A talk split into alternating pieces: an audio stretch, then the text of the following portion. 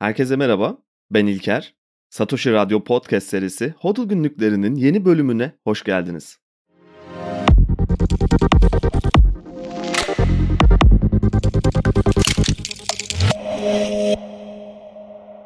Zaman zaman içinde yaşadığımız zamanı ya da özellikle geleceği değerlendirirken iki kutup üzerinden düşünmeye çalışıyoruz. Ya karamsar bir şekilde distopik bir gelecek ya da umudun var olduğu ütopik bir gelecek hayali üzerinde duruyoruz. Bunu yaparken tabii ki en sevdiğimiz şeylerden biri içine biraz bilim kurgu sosu ekleyip hayal edilmesi bile zor olabilecek şeyler hakkında düşünüyoruz. İşte bugün umudun var olduğu, çevresel kaygıların neredeyse çözüldüğü, emek ve enerjimizin, değer üretme kaygımızın olumlu sonuçlanabileceği bir gelecek inşası hakkında Bitcoin'i merkeze alarak yeni bir hayal kuralım hep birlikte. Çoğunlukla günlük kaygılar içinde boğuşup ve anı yaşama dürtülerimizin heyecanıyla daha geniş bir zaman dilimi üzerinde düşünemiyoruz. Fakat tüm bu hayali dünyanın ya da gerçek olamayacak kadar ütopik geleceğin derinliklerine dalmadan önce şu anda bulunduğumuz noktayı tanımlamakta fayda var. Geçmişten geleceğe küçük bir yolculuğa başlayalım hep birlikte. Belki tarihteki en önemli noktalara uğrayamasak bile turning point diyebileceğimiz dünyanın gidişatını ya da insanlığın gidişatını demek daha doğru olabilir. Bu tarz birkaç noktayı işaretlemekte fayda var. Tarihe yön veren oldukça fazla olay var tabi fakat biz genel olarak özgürlükler üzerinde durmaya çalışalım. Otorite ve bir sınıf düzeni içinde yaşadığımız dönüm noktalarına göz atalım hızlıca. Magna Carta 1215 yılında hazırlanıp İngiltere Kralı John tarafından imzalandı. Kraliyetin halkın üstündeki etkinliğini sınırlayan ve krallığın da yasalara göre hareket etmesini sağlayan ilk yazılı belgelerden biri. Tabi bir tarihçinin ya da bu konuda uzman birinin görüşüne bakmakta fayda var fakat bu belge ilk defa halkın haklarını korumaya yönelik yapılan sözleşme. Fransız devrimi 1789 yılında henüz bu tarihten 500 yıldan çok daha uzun bir süre önce İngilizlerin yaptığı şeyin bir benzeri bu kez Fransa'da gerçekleşti. Hatta daha da ileriye gidildi. Monarşi yıkıldı ve cumhuriyet kuruldu. Ekmek yoksa pasta yesinler gibi basit görünen bir söz bir monarşinin çöküşüne kadar uzanabiliyor. Tabi tüm bunların yanında Amerikan Bağımsızlık Bildirgesi, İnsan Hakları Evrensel Beyannamesi, hatta Medine Sözleşmesi, hatta Hammurabi kanunları hepsi aslında temele indiğimizde iki grup arasında işbirliğini sağlayabilmek adına hazırlanan yazılı sözleşmeler. Söz uçar, yazı kalır. Fakat ne yazık ki yazı da eğip bükülebiliyor ya da bir tarafın çıkarlarına göre, yorumlayıcısına göre asıl anlamından koparak değişiklik gösterebiliyor.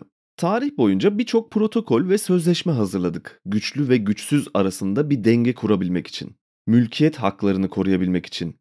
Özgürlükleri ve bağımsızlıkları sağlayabilmek için. Emek ve enerji sömürüsünü engellemek için. Değer üretimini koruyabilmek için. Sınıfsal düzeni sağlayabilmek için adalet ve eşitlik yaratabilmek için, otorite baskısı altında ezilmemek için, bin kişiye karşı bir kişiyi koruyabilmek için. Binlerce sayfa sözleşme hazırlandı, imzalandı. Etik ve ahlaki değerleri koruyabilmek için tüm bu fikirler savunulmaya çalışıldı. Fakat geldiğimiz nokta ortada. Jean-Jacques Rousseau, insanların eşit yaratıldığını ve herkesin mülkiyet hakkının olduğunu savunurken, Marx bunu sağlamanın yollarını anlatırken ya da Keynes bambaşka bir ekonomi temeli üzerinde bu fikirleri iyileştirebileceğimizi düşünürken tüm bu daha iyiye ulaşma çabasının sonuçları pek değişmedi. Hangi taraftan bakılırsa bakılsın, sosyalizm ya da kapitalizm bir şekilde bir denge ekonomisi ve eşitlik sunmaya çalışılıyor aslında. Her iki fikir de eleştirilebilir ve eksikleri olduğu söylenebilir. Fakat bana kalırsa bu binlerce sayfalık insanlık sözleşmelerinin içinde odaklanılması gereken nokta bağımsızlık ve özgürlük kısımları ve ekonomi, para, iktisat teorileri yeniden yazılmadıkça veya en azından daha açık görüşlü olunmadıkça sanırım bu yolda pek fazla ilerleyemeyeceğiz. Bütün problemlerimiz paylaşım ekonomisinin bu sözleşmelerce korunmayan, etik ve ahlaki olmayan işleyişinden kaynaklanıyor olabilir. 1800'lere kadar monarşinin yıkılamayacağını düşünenler büyük bir yanılgı içinde olduklarını öğrendiler. Ekmek yoksa pasta yesinler sözünün bugünkü karşılıklarından biri Satoshi'nin Genesis bloğuna gömdüğü gazete manşeti olabilir. Şansölye ikinci kurtarma paketinin eşiğinde. Neredeyse aynı şeyi anlatıyor bu sözler. Bu da bize sanırım henüz çok daha fazla yol kat edemediğimizi gösteriyor. Bu yüzden de problemi henüz insanlık tarihimizin sözleşmelerinde eksik görünen bir maddede arayabiliriz. paranın kontrolü meselesi yani. Devletler için bu çok önemli bir nokta. Aynı krallıklarda olduğu gibi. Neyin değerinin ne kadar olduğunun ölçüm biriminin kontrolü belki de her şeyden önemli. Tüm anlaşmazlık noktalarımızı belki de mülkiyet ve sahiplik hakları ya da gücü konusuna bağlayabiliriz. Günümüze kadar uzanan bitmek bilmeyen savaşlar, zaman zaman kaos ortamları, dünyanın her yerinde görülebilen sınıfsal çatışmalar, sürekli olarak ayrıldığımız iki kutup üzerinden diğer tarafa karşı nefret hislerimiz gibi hemen hemen en temel meselelerde büyük bir ayrışmanın içindeyiz. Hatta bu bazen bir deliliğe bile dönüşebiliyor. Birinci Dünya Savaşı bunun en güzel örneklerinden biri.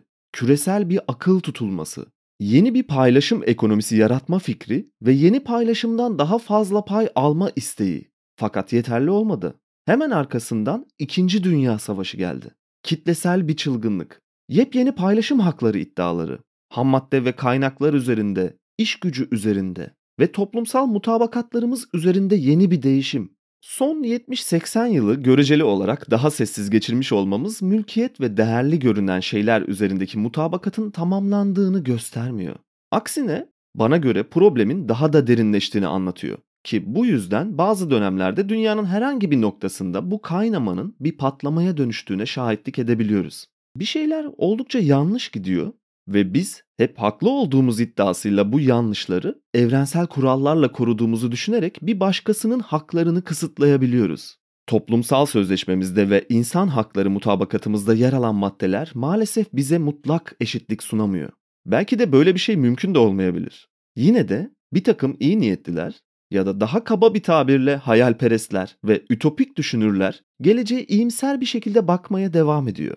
Ve yine bu grubun bir kısmını bugünlerde daha da cesaretlendiren şeylerden biri Bitcoin. Hatta Bitcoin'i umut olarak görüyorlar. Ben de kendimi bu grubun içinde görüyorum. Ya da bir şekilde eninde sonunda, bütün itirazlarım sonunda elimde kalan tek gerçek gibi görünen şey bu oluyor da diyebiliriz.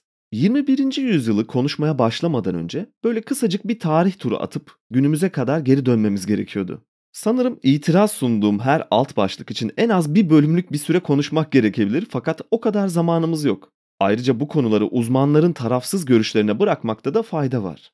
Günümüze gelmeden hemen önce Harari'nin yazdığı 21. yüzyıl için 21 ders kitabına da mutlaka bakmanızı tavsiye ederim. Hatta bu kitaptan bir parça paylaşmak istiyorum. Kitabın giriş bölümü şu sözlerle başlıyor. Yerli yersiz bilgi yağmuruna tutulan bir dünyada net olmak güç demektir. Teoride herkes insanlığın geleceği hakkında fikir yürütebilir ama net bir görüntüyü muhafaza etmek son derece zordur. İnsanlığın geleceğine dair süre giden tartışmanın ya da konuya dair asli soruların neler olduğunun farkında bile değiliz çoğunlukla. Milyarlarca insan bu konuyu araştırma lüksünden yoksun çünkü yapılacak daha önemli işleri var. Çalışmak, çocuklara bakmak, yaşlı anne babalarla ilgilenmek gerekiyor. Fakat maalesef tarih affetmiyor. Siz çocukların yemesi içmesi, kılık kıyafetiyle meşgulken insanlığın geleceği karara bağlanırsa ortaya çıkan sonuçlardan ne siz muaf tutulursunuz ne de çocuklarınız. Bu hiç de adil değil ama kim demiş tarih adildir diye. Sanırım tam olarak tarihteki en önemli olayların yarattığı sanki bir paralel evren yol ayrımı gibi geri dönüp baktığımızda öyle olmasaydı acaba nasıl olurdu diye incelediğimiz dönemler gibi yeni bir dönüşümün tam eşiğindeyiz. Bu dönüşümde mülkiyet hakları ve eşitlik teorilerimizle başlayan, daha sonra fikri mülkiyet haklarımıza kadar uzanan ve sonunda neredeyse tamamen bir otorite kısıtlamasından çıkmak üzere olunan yeni bir kavşaktayız. İleride bir zamanda biz hayatta değilken dönüp bakıldığında bugünler için sanırım iki şeyden biri söylenecek. İlki ya başarılı olsaydı acaba nasıl olurdu? İkincisi başarısız olsaydı ne olurdu soruları. 2000'lerden sonra çok ciddi bir teknolojik dönüşümün içine girdik. Bugünlerde neredeyse en azından zihinsel olarak tamamen dijital bir dünya yarattığımızı bile söyleyebiliriz. Şehir meydanlarında buluşarak şu saatte şurada ol gibi toplantılar düzenlemiyoruz artık. Dijital olarak bir toplantı saati set edip katılım linkleri gönderiyoruz birbirimize. Sabahları sokaklarda yazıyor, yazıyor diye bağırışan çocuklar yerine Twitter ya da benzer gündem sitelerinden olan biteni takip etmeye çalışıyoruz. Artık birbirimize kartpostal atmak yerine Instagram hikayeleri atıyoruz. Ve tüm bunlar sanki hiç var olmamış kadar uzak bir zaman dilimine ait gibi görünüyor şimdi bakınca. Bu değişim ve dönüşümlerin içinde ekonomi ve finans dünyası da bir başkalaşım geçirdi. Madeni paralardan ve altın sikke ticaretinden çok hızlı bir şekilde kağıt paralara geçtik. Yine çok kısa bir süre içinde dijital paralara geçiş yapmaya başladık. Nakitsiz bir topluma doğru evriliyoruz. Dijital dünyamızı genişlettikçe ve daha gerçekçi yapmaya başladıkça. Sanıyorum bugün Çin'de tamamen dijital para kullanımı var. Kağıt para tedavülden kalkmış durumda. En azından uygulama açısından. Artık bugün dünyanın birçok yerinde çok nadir olarak nakit para kullanımı söz konusu. Bununla ilgili bir araştırmaya bakmadım fakat şunu çok rahat bir şekilde görebiliriz. Kullandığımız paranın tahmini %90'dan fazlasını dijital olarak kullanıyoruz. Yani paranın dijital dönüşümü çoktan başladı bile. Hatta bunu ilk kredi kartı kullanımlarına kadar dayandırabiliriz başlangıç noktası olarak. Ve dijital para adaptasyonu her teknolojik gelişim gibi önce yavaş yavaş sonra aniden gerçekleşti. Bugün artık CBDS ismiyle dijital paralardan söz ediliyor fakat biz zaten çok uzun bir süredir mevcut para birimlerini bu şekilde kullanıyoruz. Bitcoin adaptasyonu da aynı dijital paraya geçiş adaptasyonu eğrisinin gölgesinde ilerliyor. Bu grafiği kredi kartı kullanımından itibaren çizersek birbirine oldukça benzer sonuçlar görebiliriz. Tabi Bitcoin'in tüm bu yeniliklerin karşısında hangi problemleri çözdüğüyle ilgili bence yeterince detaylı konuştuk şimdiye kadar. Bu konuda çok fazla detaya girmeye gerek yok en azından bu bölüm için. Yalnızca bilmemiz gereken kaçınılmaz bir gelecek olan nakitsiz toplumda ve tamamen dijital para dönüşümünde Bitcoin belki de rezerv birim olabilir. Bu fikir ve hayalle ilgili bölümler sanırım iki kısımlı bir seri gibi olacak. Bugün bu hayali düşünce üzerinden bir gelecek dünya penceresine bakmaya çalışalım. Bir sonraki bu konu üzerine yapacağımız bölümde de sanırım daha derine inip farklı bakış açılarından hem tartışarak hem hangi problemler var bunlara bakarız. Geçmiş ve bugünün üzerine yeterince konuştuğumuzu düşünüyorum. Gelin hep birlikte 20, 40, 60 yıl sonrasına gidelim. Alternatif bir gerçeklik yaratmaya çalışalım. Hatta önce 10 yıl sonraya 2032'ye bir uğramamız gerek. Atıp tutmadan önce kısa bir temel oluşturalım çünkü burada. Şu anda günümüzde dünya nüfusunun yaklaşık %1'lik kesimi Bitcoin kullanıyor. Bu rakam daha önce bahsettiğim gibi henüz 80'lerde daha yeni dijital ödeme yöntemleriyle tanıştığımız noktaya eşdeğer. 2032 yıllarında Bitcoin adaptasyonunun %10 civarlarına çıkacağı tahmin ediliyor. Teknolojik gelişimlerin trend eğrileri takip edildiğinde bu çok rahat bir şekilde çıkarılan bir sonuç. Ve sanırım şu anda dahi Bitcoin kullanan herkesi erken kullanıcılar olarak görebiliriz. Satoshi Nakamoto'nun bana göre Magna Carta veya tarihteki diğer özgürlük ve bağımsızlık bildirgelerinden çok da farkı olmayan Bitcoin protokolünü yayınlamasının üstünden 10 seneden fazla bir süre geçmiş olmasına rağmen bu geniş pencereden baktığımızda oldukça erken kullanıcıların bulunduğu bir zaman dilimindeyiz hala. 2032'ye kadar adaptasyon yükselişi benzer bir yavaşlıkta devam edecek demek oluyor bu aynı zamanda. Yani parmaklarımızı şıklatıp her şeyin bir an önce olmasını bekleyemeyiz. Önce yavaş yavaş, sonra aniden gerçekleşiyor böyle dönüşümler.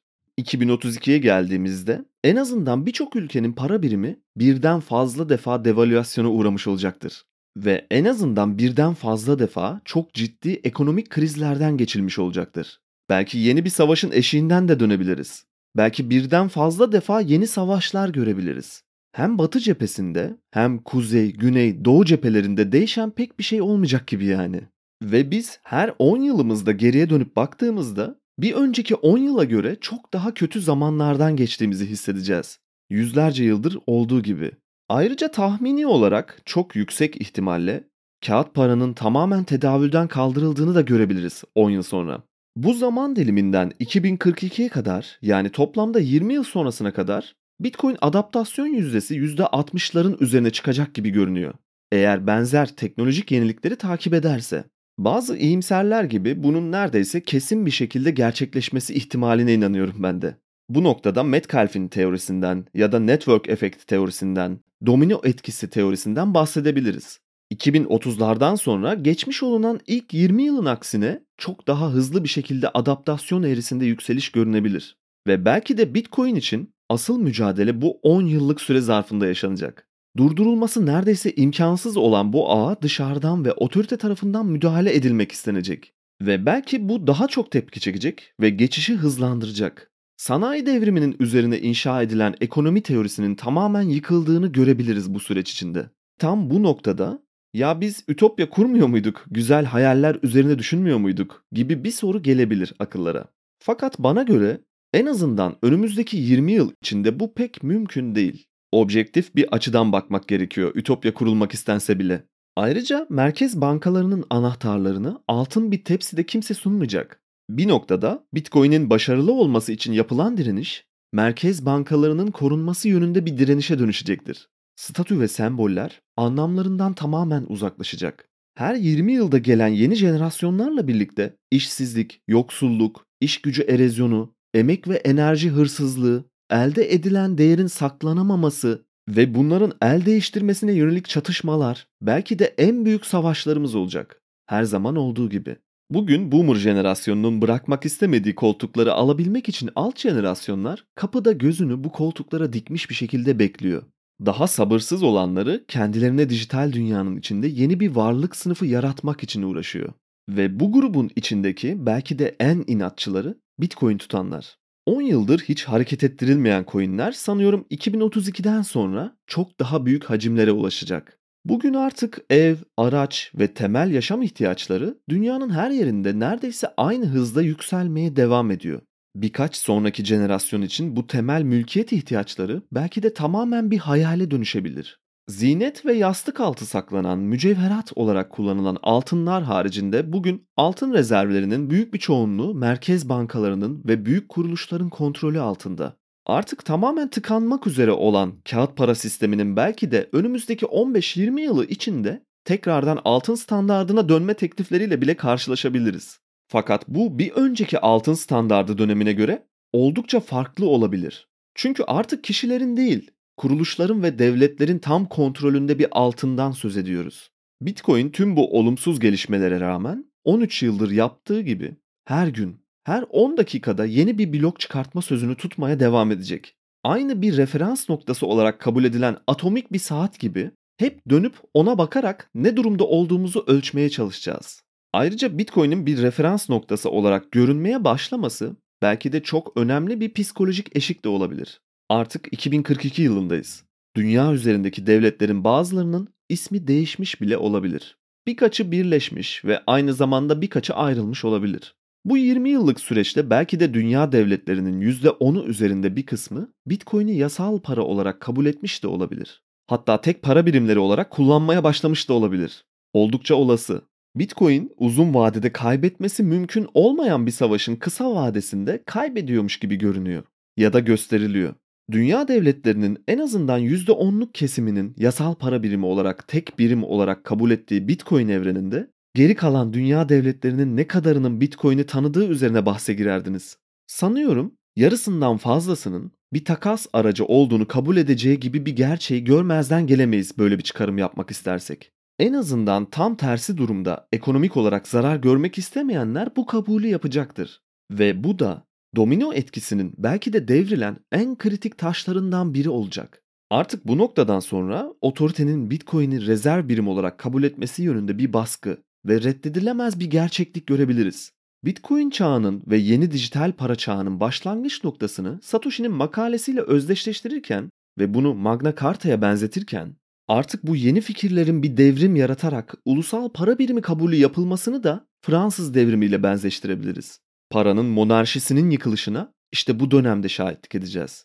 Yeni Rousseau'lar, yeni Adam Smith'ler ya da yeni Keynes'ler aramızda yaşıyor bile olabilir. Her şey bir anda aniden oluyor gibi görünürken daha geniş ölçekte baktığımızda oldukça rasyonel görünen ve her şeyin yolunda gittiği gibi görünen bu geçiş sürecinde biz büyük sancılar yaşayan dönemin insancıkları için bir ömür geçecek. Artık uluslararası ticarette geçer akçe olarak Bitcoin kullanılan bir dünya hayal edin. Belki de tam günümüze benzer bir şekilde aynı kripto para borsalarının ve simyacılık yeteneklerini göstermeye çalışan saklama kuruluşlarının düştüğü hatalara bu hayali gelecekte de devletler düşebilir. Para birimlerini Bitcoin karşısında sabitleyen devletler ve kullanıcılarının, vatandaşının saklamak istediği değerler üzerinden kumar oynamayanlar için sağlıklı görünen bir sistem fakat biz buna pek alışkın değiliz. Bitcoin karşısında tamamen yok olan para birimlerine sanırım bu dönemde rastlayacağız. Hyper Bitcoinization deniyor buna. Günümüzdeki short squeeze ya da diğer bir tabirle açığa satış sıkışması olarak da değerlendirebiliriz. Hiper enflasyon gibi aynı. Para biriminin değeri bir başka birime göre çok kısa bir vadede yüzde binlerce oranda değer kaybetmesi durumu. Teorik olarak yok olması durumu yani. Bitcoin finansal sistemin bir kara deliği gibi bütün emek ve enerjiyi soğurarak saklanan değerin daha adil bir şekilde korunmasını sağlayabilir. Ve hile yapmadan tabii. Ve paranın yaşayacağı bu yeni tekillik durumu bize yepyeni bir gerçekliği sunabilir. Artık enflasyonun olmadığı, alım gücünün korunabildiği, harcanan enerjinin karşılığının alındığı, elde edilen değerin saklanabildiği, hiçbir otorite etkisi altında kalmadan, hiçbir kural koyucunun müdahalesine izin vermeden, hiçbir gücün yalnızca istediği için değiştiremeyeceği ve herkes için aynı şekilde adil bir kurallar bütünü evreni. Bu noktada ufak bir gerçeğe dönüş yapalım. Biraz nefes alalım, beyne oksijen gitsin biraz. Tüm bunları bilim kurgu senaryosu olarak düşünebilirsiniz. Baştan aslında yapmıştık buna benzer bir uyarıyı. Ütopik bir geleceğe bugünden açılan bir pencereden bakmaya çalışıyoruz sadece. Yarın Bitcoin'in fiyatı ne olacak? Ya da önümüzdeki yıl veya sonraki yarılanmada Bitcoin tekrardan all time high yapacak mı gibi dar bir bakış açısına kapılmak yerine böyle hayali senaryolar üzerinde yoğunlaşmayı seviyorum ben. Ayrıca bunun gerçeğe dönüşmesi için bugün yalnızca bu geleceği görebilmek için çalışan büyük bir hayalperest kalabalık var. Tam bu noktada bu kadar zaman sonra Bitcoin'in var olacağına nasıl emin olabiliriz gibi bir soru da gelebilir. Ya da Bitcoin yerine bir başka kripto paranın bu rolü üstlenebileceği, Bitcoin'in yok olmuş olabileceği gibi düşünceler de olabilir. Özellikle 2011'den sonra başlayan altcoin baharı ve 2015'te Ethereum çıkışıyla birlikte on binlerce farklı coin piyasaya girdi. Coin Market Cap gibi sitelerden tarihsel verilere baktığımızda yıllar içinde birbirinden farklı projelerin ve altcoin'in ilk 10 ya da ilk 20'de yer aldığını görüyoruz. Zaman içinde büyük bir kısmı yok oldu. Yok olmaya da devam edecek. Hiçbir altcoin Bitcoin'in sunduğu şeyi sunmuyor aslında tüm özelliklerine baktığımızda. Kimisi gelecek vadeden olarak görülebilir. Kimisi Bitcoin'in dominasyonunu yok edecek gibi görünebilir. Fakat uzun vadede baktığımızda bu konuda hepsinin başarısız olduğunu görebiliyoruz.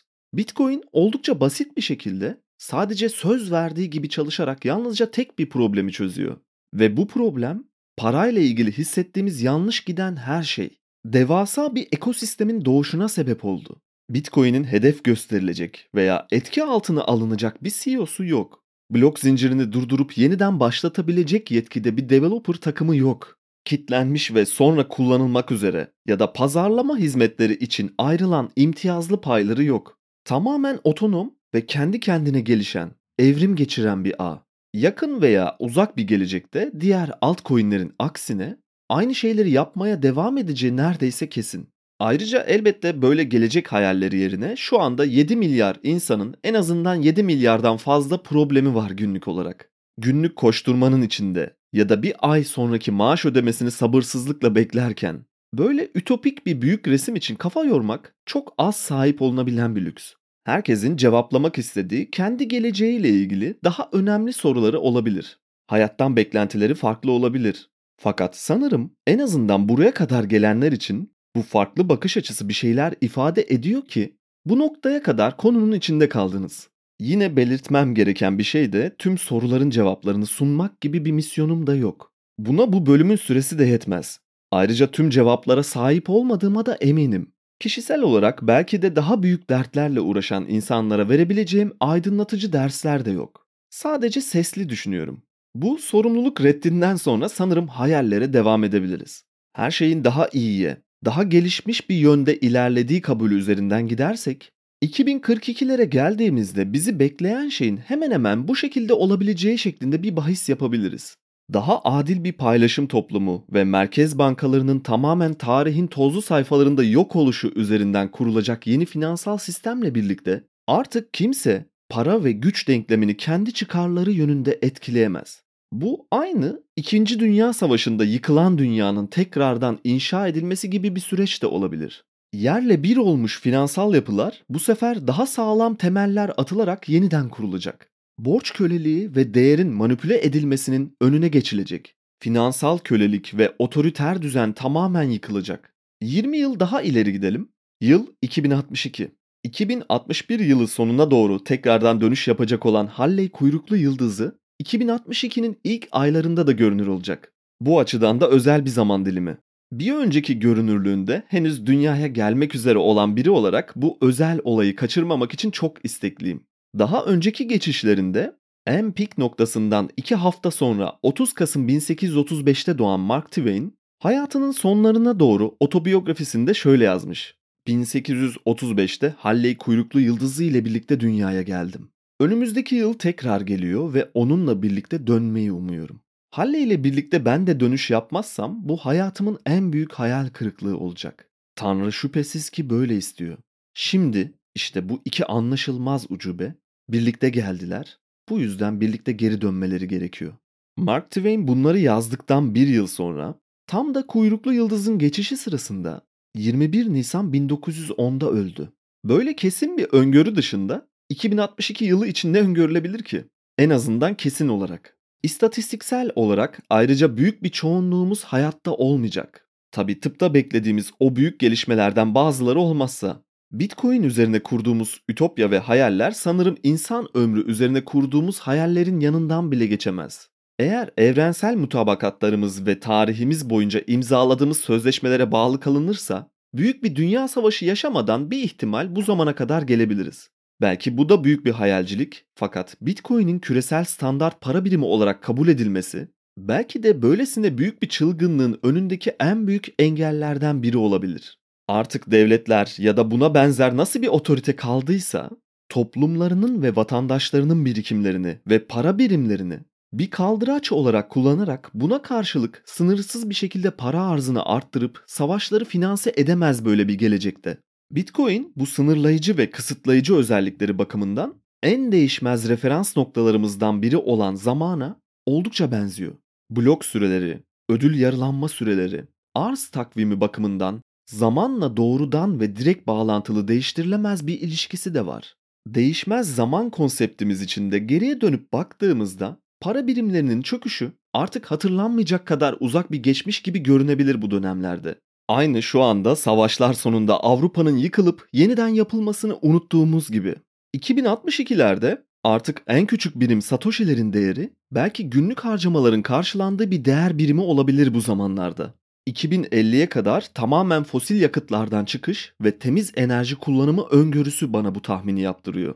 Enerji maliyetlerinin yükselişi ve enerjinin değeri çok daha büyük bir önem kazanmış olacak. Sanayi devriminin katı atığı insan tekrardan üretimin en önemli girdi malzemelerinden biri haline dönüşümünü tamamlamış olacak. Aklını kullanarak, iş gücü köleliğiyle ve her 10 yılda bir yıkıma uğrayan aile birikimleri artık hiç kimsenin kontrolü altında olmayan ve herkesin katılımcısı olduğu Bitcoin ağında manipüle edilemeden saklanacak. İnsan kısa vadeli düşüncelerinden uzaklaşıp belki de bu dönem içinde yeni dünya harikaları yaratabilecek. Aynı Harari'nin dediği gibi Böyle bir düşünce biçimi bir lüks olmaktan çıkacak. Çünkü çok daha önemli görünen hayali problemler bir toz bulutu gibi önümüzden dağılacak. Enflasyonun olmadığı ve fiyat deflasyonu olan bir toplumda katılımcıların alım gücü her geçen gün bir öncekine göre daha yükselecek.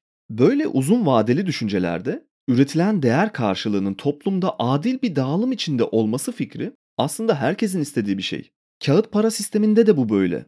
Fakat şimdiye kadar İnanılmaz bir şekilde gerçekleştirdiğimiz üretim artışlarından nasibini üretici değil, merkezi otorite aldı. Bu ortak paylaşım ya da adil paylaşımı savunanlara hep aynı şekilde cevaplar veriliyor şu ana kadar. Büyümenin sağladığı imkanlar bunu kendiliğinden getirecektir. Sabredin. Fakat bu büyümeye karşı değer üretiminin karşısında sürekli parabolik bir şekilde yükselen para birimleri olduğunda bu tam tersi bir durum yaratıyor. Bunu fark etmemiz ve paylaşım problemlerimizi çözmemiz belki de önümüzdeki 40 yıla yayılan bir süreç olacak. 20 yıl daha ileri gidelim. Yıl 2082. İstatistiksel olarak sanırım %90'dan fazlamız artık yaşamıyor olacak. Birleşmiş Milletler'e göre dünya nüfusu 2080'den sonra 10 milyar üzerine çıkmış olacak. Artık kağıt para ve merkez bankaları hiç var olmamış bir geçmişin hayaletlerine dönüşmüş olacak bu dönemde üreticinin ve değer üretenlerin geçmiş 30-40 yılda başlattığı dönüşüm devasa şirketlerin finansal kölelik modellerini tamamen yıkmış olabilir bu dönemde. Çünkü herkes Artık var olmamış gibi hissedilen bir geçmişe göre paraya ulaşım olarak eşit şartlarda yarışıyor. Ve bunun yanında simyacılık hünerlerini kullanarak, ekonomiyi manipüle ederek yeni değer yaratımı yetkisi otoritenin elinden tamamen alınmış durumda. Herkes istediği alanda çalışmakta özgür. Tabi eğer artık buna çalışma dersek. Robotlaşma ve biyoteknolojik atılımlar sanayi devriminin kurallarını yıkıp yeni bir çalışma modeli geliştirmiş olacak. Artık en azından özgürce iş yapma becerileri kazanan insan bu becerisi karşılığında ödülünü kimsenin kontrolünde olmayan bir ağda saklayarak, harcayarak, eşten eşe doğrudan iletişime geçebilecek. Ayrıca mal ve hizmetlerin yaşayacağı deflasyon, üretim depresyonu yaratabilir düşüncesinin hatalarını sanırım tam olarak bu noktada göreceğiz. Motive edilmek zorunda olunan ve manipüle edilerek yönlendirilen harcama alışkanlıklarımız bozulacak. Bu doğru. Fakat bunun bir depresyon ve resesyon ortamı yaratması fikri yalnızca büyük şirketler için geçerli olacaktır. Çalışanlar ya da bugünkü çalışma hayatının evrildiği şekilde değer üreten insanlar harcama alışkanlıklarının yönlendirilmesinden sıyrılmış olacak. Yani saf bir fayda maliyet ekonomisi kuracak Bitcoin. Savaş, yıkım, birikimlerin yok edilmesi üzerine kurulmuş bir ekonomiden barış ve huzura, yaratıcılığa ve bağımsızlığa doğru giden bir yoldayız. Devletler ve otorite güç ve hakimiyet açlığını gidermek için kaynaklar ele geçirmek üzere gelir üreten toplumların üzerindeki bir kene gibi bu birikimleri ememeyecek. Çünkü bu yetki artık ellerinde değil. Enerji savaşları ve sömürge savaşları verilemeyecek. Çünkü bunu finanse etmek için simyacılık yapamayacaklar. Belki de çevrecilerin bugün karşı çıktığı Bitcoin, onların bile samimi olmayan suni hedeflerini bir gerçeğe dönüştürerek dünyayı daha iyi bir yer haline getirecek. İnsanlığın belki de ihtiyaçlar hiyerarşisinde artık ilk basamaklardan kurtulup daha fazlasını elde edebileceği bir noktaya geçmiş olacağız. Çünkü bugünlerde toplumun neredeyse onda dokuzu yalnızca barınma ve gıda ihtiyaçlarını karşılama endişesiyle yaşamaya çalışıyor. Ve yalnızca yüzde birlik bir kesim Maslow'un piramidinde en üst tepe noktasında konuşlanmış durumda. Ve bu durum tüm değer üretim veya ihtiyaç arzularımızı bir Ponzi piramidine dönüştürüyor. Filozoflar ve düşünürler sabırlı insanlar ve yaşamın anlamı üzerine, insanlığın etik ve ahlak kuralları üzerine yüzyıllarca düşünebilirler. Fakat mühendisler ve yatırımcılar, finans dünyası maalesef bu kadar sabırlı değil ve önce her şeyi yıktıktan sonra bir değer anlamında elimizde kalan belki de gerçeğe yakın görünen tek şey olan Bitcoin'i kabul etmek zorunda kalacaklar. İçinde bulunduğumuz 21. yüzyıl birçok şeye gebe her anlamda devrimsel gelişmelerin eşiğinde yeni, dijital bir çağın başlangıcındayız. Para teknolojisinin yaşayacağı dönüşüm belki de birçok sınırlarımızı ortadan kaldıracak. Böyle bir hayal kurmak yerine savaşların ve yıkımların olduğu, toplumsal köleliğin ve fakirleşmenin daha da derinleştiği ve kitlesel çılgınlıkların hız kazanarak devam ettiği bir dünya hayali de kurabiliriz. Seçim bizim. Belki de nihai ulaşılması hedeflenen noktanın bugünden çok daha fazla düşünülmesi gerekiyor. Ve buna uygun adımlar atmaya şimdiden başlamamız gerekiyor. Tam olarak bu yüzden Bitcoin'i destekliyorum. Ve bunu boşa çekilen bir kürek gibi görenler için önümüzdeki distopik ve ütopik dünyalardan hangi tarafta yer almak istediklerini tekrardan gözden geçirmelerinin zamanı geldi. Geçenlerde yeni başlayan çok beğendiğim Sıcak Kafa dizisinden bir sözle konuyu toparlayalım artık. Yarın yokmuş gibi yaşadığımız hayatlarımız, ipotekli evlerimiz, kredi kartı borçlarımızdı derdimiz. Kiminin verimsiz ekini, kiminin hep yanlış gelen kahve siparişi. Sonra anladık ki bir anda öylece yıkılabiliyormuş gerçekliğimiz. Yeni şeyler söylenedik bu haftalık Hodul günlüklerinin sonuna geldik. Satoshi Radyo ve Satoshi TV hesapları üzerinden programı takip etmeyi ve beğendiyseniz paylaşmayı unutmayın lütfen. Ayrıca bildirimleri açarsanız birbirinden farklı içeriklerden daha verimli bir şekilde haberdar olabilirsiniz. Bir sonraki bölümde görüşmek üzere.